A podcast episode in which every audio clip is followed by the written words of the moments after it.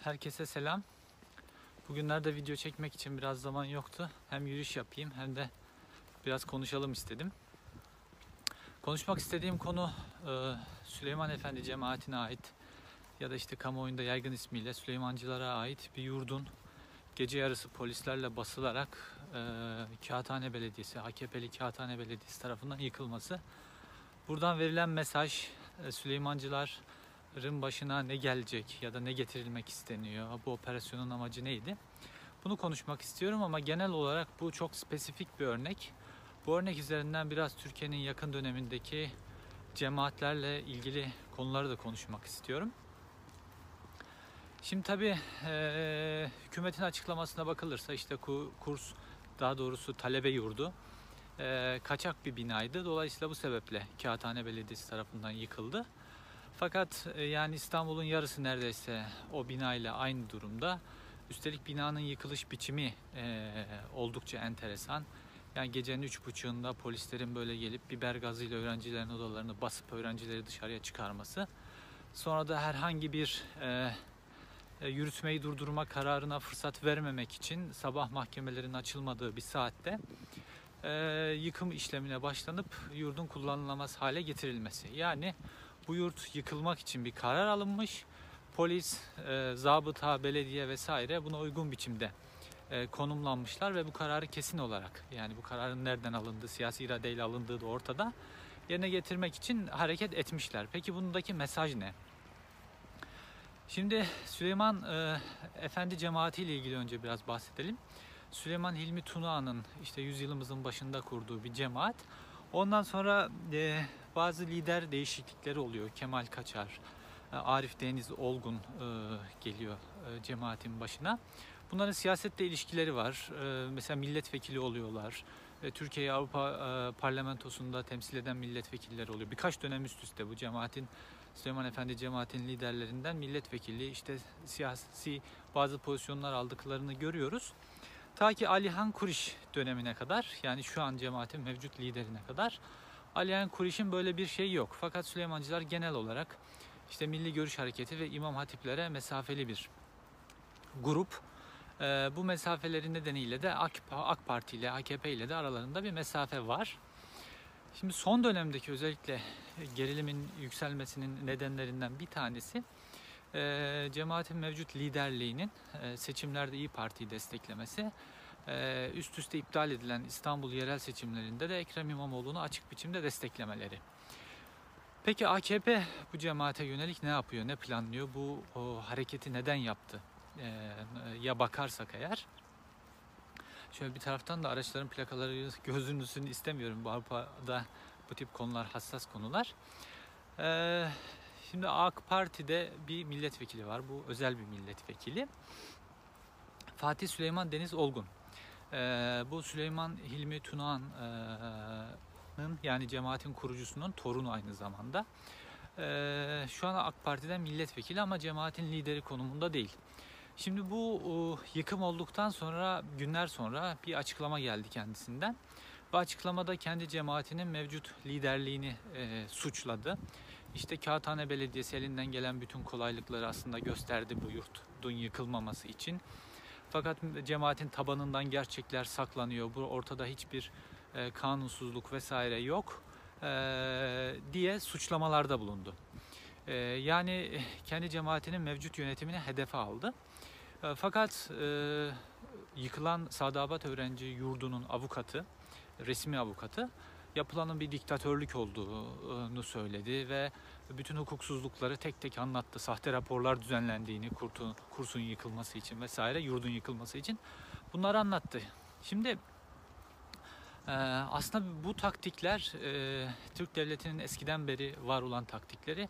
Yani ortada bir grup, bir cemaat, bir yapı, bir tarikat varsa e, ya da bir örgüt varsa bunu ele geçirmeye çalışıyor. Yani yıkıp yok etmekten ziyade devlet bunu ele geçirecek bazı e, taktikler izliyor. Mesela şu an işte Süleyman e, Efendi cemaatine yönelik bu harekette e, daha sonra işte AKP saflarında olan Süleyman Deniz Olgun'un e, açıklamaları gösteriyor ki bu cemaatin liderliğine yönelik bir bir hamle var burada AKP tarafından. Peki bu hamle bize tanıdık bir hamle mi? Bir araç geçiyor. Bu hamle bize tanıdık bir hamle mi? Evet tanıdık bir hamle. Mesela e, e, Fethullah Gülen cemaatine e, yönelik böyle bir hamleyi 28 Şubat'ta biz görüyoruz. O dönemde cemaatin üzerine bir baskı kuruldu. İşte Fethullah Gülen aleyhine e, idam istemiyle bir dava açıldı. E, bu davayla birlikte şöyle bir hesap yapıldı. İşte ya hapse atarız Fethullah Gülen'i ya da ülkeyi terk etmek zorunda kalır. Peki yerine kimi lider yapacağız? E, işte o lider adayı da Latif Erdoğan'dı. Hatta Latif Erdoğan'ın o dönem bir tezi vardı böyle işte 28 Şubat'ın generalleriyle sık sık paylaştığı bir tez. O tezde şuydu işte Fethullah Gülen bir şekilde kaçsın yurt dışına gitsin Ee, ve e, onun yanına 3-5 tane talebesi gider. Ondan sonra cemaati ben yönetirim teziydi. Tabi bu tez o cemaatte tutmadı. Çünkü hani liderliğiyle çok güçlü bir bağ olan bir cemaat. Ee, şimdi aynı tez yani devletin tezleri hep aynı neredeyse. Çok birbirine benziyor. O dönem askerler 28 Şubat'ın generalleri bu stratejiyi izliyorlardı, izlediler. Şimdi de işte devletin yeni sahibi e, saray yönetimi Erdoğan rejimi olduğu için şimdi aynı tezi kopyala yapıştır Süleymancılar üzerinden e, üzerinde uygulamaya çalışıyorlar gördüğümüz kadarıyla. E, Tabi burada bir konsensüs de var.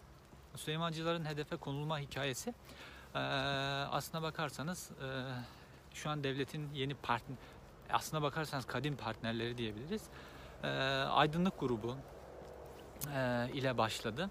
E, Aydınlık gazetesi işte Süleymancıları hedef alan böyle açıkça hedef alan e, bir haber yaptı. Böyle geniş bir analiz ve mutlaka ortadan kaldırılmalı gerek kaldırılmaları gerektiğini savundu. Onun dışında Oda TV'den işte Süleymancılar FETÖ'den daha tehlikeli bir yapı diye bir haber gel haber çıktı Oda TV'de yayınlandı. Bunların hepsi işaret fişekleri. Yani devletin o kanadı, işte buna Ergenekon diyebilirsiniz, derin devlet diyebilirsiniz. Bu kanadı diyor ki biz hazırız diyor e, Süleymancılara operasyon yapmaya. İşte yargı gücüyle vesaire her şeyle. E, burada siyasetin de bir karar vermesi lazım. Siyaset anlaşılan verdiği karar şu an saflarında milletvekili olarak bulunduran bulundurdukları kişi üzerinden bir strateji izliyor. Yani Tayyip Erdoğan'ın genel olarak cemaatlerle ilgili şöyle bir stratejisi vardı. Bu özellikle ee, Suriye Savaşı'ndan sonra çok netleşti. İşte Ahmet Davutoğlu'nun Dışişleri Bakanı olması, Suriye Savaşı'nın yavaş yavaş başlamasıyla birlikte Tayyip Erdoğan da işte bir İslam aleminin yeni lideri olmak gibi bir strateji belir, belirdi. Ee, Davutoğlu da bunu destekliyordu böyle. İşte e, Erol Olçak üzerinden böyle gerek Arap ülkelerinde gerekse Afrika'da, Afrika kıtasında. E, lobi faaliyetleri yürütüldü. Paralı lobi faaliyetleri. İşte televizyonlara çıkan yorumculara, Arap yorumculara ya da Afrikalı yorumculara paralar ödendi. Tayyip Erdoğan ya da Davut Davutoğlu bu ülkeleri ziyaret ettiklerinde kalabalıkların toplanması, onların lehine sloganlar atması ya da o ülkedeki herhangi bir gösteride Erdoğan lehine posterler açılması falan bunlar hep böyle hani figüran gibi dediğimiz kiralayabil kiralanan kişiler tarafından o lobi faaliyeti çerçevesinde e, PR faaliyeti olarak yapıldı. Tabi bu dönemde öze e, SETA'da o zaman işte e, AKP'nin fikir e, üreten kurumu, think tank kuruluşu şöyle bir strateji geliştirmişti. Biz ya büyürüz ya küçülürüz şeklinde. İşte büyümekten de kasıt e, işte Suriye ve ileride de Irak'ın bir kısmı gibi ama ilk lokma Suriye'ydi. İşte Şam'da namaz kılma faaliyetleri vesaire bahsedildi. Şimdi Suriye olayında e, cemaatler bir tutum belirlediler ve bu Tayyip Erdoğan'ın yeni belirlediği ve işte Tayyip Erdoğan'ın e, ulakları tarafından cemaatlere böyle tarikatlara ve sivil toplum kuruluşlarına e, İslami kesimden bahsediyorum. E, gönderilen bir haber vardı. Bu Erdoğan'ın e, İslam aleminin yeni lideri yani halife diyebileceğimiz rolünün e, desteklenmesi, PR'ının yapılması e, düşünülüyordu. Fakat burada birkaç grup e, buna karşı çıktı. E, bu gruplardan bir tanesi e, Süleyman Süleymancılar tabi var. E, Alpaslan Kuytul e, grubuydu.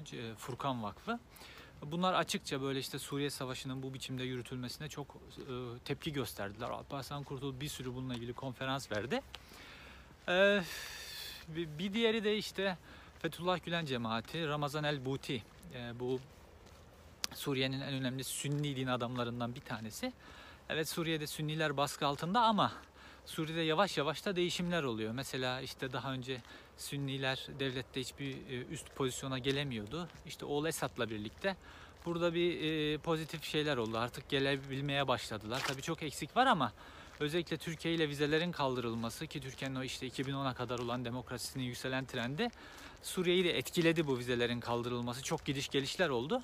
Böyle tedricen yavaş yavaş bir değişiklik olması lazım. Suriye'de e, tezini içeren ve buradaki iç karışıklık, silahlandırma vesaire bunların kesinlikle yapılmaması. Diğer ülkelerde bu Arap Baharı çerçevesinde uygulanan stratejilerin Suriye'de uygulanmaması. Çünkü işte filan Suriye yönetimi devleti güçlü bir devlet. Yani böyle e, iç çatışmalarla devirebileceğiniz bir devlet değil diye bir mektup göndermişti Ramazan El Buti e, Fethullah Gülen'e. Fethullah Gülen de bu tezi destekleyerek e, bu mektubu aynı şekilde işte o dönemin başbakanı Tayyip Erdoğan'a, dışişlerine vesaire gönderiyor. Eh, Ve Suriye biliyorsunuz o dönem işte Fethullah Gülen e, cemaatinin e, Suriye'de de büyük bir toprak satın almışlardı ve burada üniversiteden anaokuluna kadar çok büyük bir eğitim kompleksi yapılması planlanıyordu ki hani e, Esad yönetiminin böyle bir sünni gelenekten bir gruba böyle izin vermesi de önemli bir adımdı aslına bakarsanız. Neyse bunların hepsi yerle bir oldu ve Suriye politikasını işte Furkan Vakfı, Fethullah Gülen Cemaati ve Süleymancılar vesaire desteklemediler. Bu Tayyip Erdoğan için çok önemli bir mesajdı. Yani e, çünkü o İslam aleminin lideri pozisyonunu toplumda e, oturtabileceği, toplumda destekleyebileceği kişiler bu cemaatlerdi. E, bazı cemaatler desteklediler bunu işte İskender Paşa cemaati, e, işte Cübbeli Ahmet grubu, Çarşamba cemaati, Erenköy cemaati, işte Menzil. e, Bunlar desteklediler ve Tayyip Erdoğan bunların önünü çok güçlü biçimde açmaya başladı. E, Suriye politikasını desteklenmeyen cemaatlerin de üzerine yavaş yavaş gitmeye başladı. E, Diş göstermeye başladı daha doğrusu. İşte mesela Fethullah Gülen grubundaki aslında memurların tasfiye edilmeye başlanması e, 2010 yılında başlar aslına bakarsanız ve sonrasında ve Suriye Savaşı'nın ardından hemen de çok hızlı yükselmeye başlar. Ki zaten mesela 15 Temmuz'dan sonraki e, konulara bakarsanız işte Fethullahçı generaller olsaydı bu Suriye operasyonunu vesaire bunların hiçbirisini yapamazdık diye. Ki hakikaten de Suriye bu biçim, biçimde girilmesine ismi Fethullah Gülen cemaatiyle geçen askerlerin e, karşı olduklarını kendileri savunmalarında da söylüyorlar zaten. Şimdi tabii Tayyip Erdoğan için bu turnusol kağıdıydı Suriye meselesi. Ve sonrasında böyle açık açık e, bu rolünü, bu cemaatlerin, mesela Süleymancılar Almanya'da güçlü bir e, cemaat. Kendi dernekleri, vakıfları, camileri var. Süleymancılar mesela Almanya'da hmm, Tayyip Erdoğan'ın bu e, üstlendiği e, halife rolünü desteklemediler. E, bu bu e, Tayyip Erdoğan için affedilmez bir hata. Çünkü Tayyip Erdoğan cemaatlerden şunu beklemiyor. Yani tamam siz sessiz, ben, benim yoluma taş koymasanız bile bir kenarda dur, dursanız, politikaya karışmayın filan. Ee, yani o politikaya karışmayan cemaatleri, tarikatları, grupları, STK'ları bunları rahat bırakmıyor. Tayyip Erdoğan özellikle İslami kesimle irtibatı olan gruplardan istediği şey şu. Güçlü biçimde kendi PR'ını yapması, kendisinin işte halifeyi ruhi zemin olduğunu böyle anlatmaları tam biat istiyor. Tam biat ve sürekli kendilerini anlatmalı. Mesela Cübbeli Ahmet Hoca böyle sürekli Tayyip Erdoğan'ı övüyor ve dua ediyor ya böyle mesela bir prototiptir mesela. Bunu istiyor mesela bütün cemaatlerin liderlerinden. Ee, ve bunu yapmayanlar da hedefe alınıyor. Tabii bu cemaatlerden hangisi Tayyip Erdoğan'la ne kadar çatışmayı göze alıyorsa onun da ona karşılığı o kadar şiddetli oluyor. Şimdi Süleymancılara ne olacak? Yani herkesin merak ettiği soru şu. E, İşte Fethullah Gülen cemaatinin başına gelen ya da Alparslan Kuytul cemaatinin başına gelen e, onların başına da gelecek mi? E, Bunu yani biraz da Süleymancıların tavrı belirleyecek. Yani Tayyip Erdoğan'la ne kadar göğüs göğüse çarpışmayı göze alacaklar. Yoksa biat mı edecekler? Ya da işte AKP'nin sarayda pişen o politika çerçevesinde liderliklerinde bir değişme mi olacak? E, AKP saflarında milletvekili olan kişi onların yeni lideri mi olacak? Bunu biraz onların tavırları belirleyecek. Ama dediğim gibi bu film işte bu strateji daha önce 28 Şubatçılar tarafından yapılıyordu. Şimdi devletin yeni sahibi tarafından e, yapılıyor. E, tabii Bir taraftan da devlete biat eden gruplar, cemaatler, STK'lar oldu. Tabii bunlar kısa vadede ayakta durup devletin imkanlarından, işte partinin onlara açtığı imkanlardan faydalanıyorlar. Fakat uzun vadede bu onların devletleşmesine neden oluyor. Evet çatışma yaşamadıkları için belki korunaklı oluyorlar bir süre ama devletleşmelerine neden oluyor ve devletleştikçe de misyonlarını kaybediyorlar ve aslında uzun vadeli olarak yok oluyorlar. Şu an mesela İslamcıların içerisinde böyle çeşitli farklı fraksiyonlar vardı mesela. İlim Yayma Cemiyeti falan gibi. Bunların hepsi o devletin imkanlarına boğularak devletleştirildiler. Ee, bu da hoşlarına gitti. Ve bütün o İslamcıların içerisindeki fraksiyonların hepsi tuz buz buhar oldu yani. Yok oldular. Bunların hikayeleri kalmadı. Ee, cemaatler de böyle. Yani yani yakın gelecekte böyle işte çarşamba vesaire bunların hepsi böyle devletleştikleri için bunların hepsi eriyip yok olup gidecekler. Ee, devletle çatışan e, daha doğrusu devlete biat etmeyen cemaatlerse zarar görseler bile e, varlıklarını devam ettirecekler. Mümtazar Türkiye'nin mesela savunmasında böyle önemli bir şey vardı böyle. E, ya İslam'ın e, özünde böyle bir cemaatleşme var yani geçmişinden beri. E, bunların tabi misyonları, yöntemleri vesaire bunlar e, tartışılıyor her zaman tartışılmıştır. Fakat bunlar bu bir gerçek yani bu böyle devam edecek.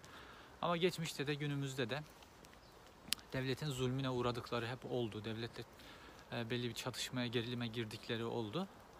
E, bu da onların tarihini oluşturuyor. E, Süleymancılar da şu an e, yani şu an Türkiye'de nasıl her bir birey kendi kişisel tarihini yazıyorsa Süleymancılar da şu an kendi tarihlerini yazıyorlar. E, Sadabat Vakfı'nda Sadabat talebe yurdunun yıkılışında bir direniş vardı hatta or- orada bir video vardı direniyoruz diye.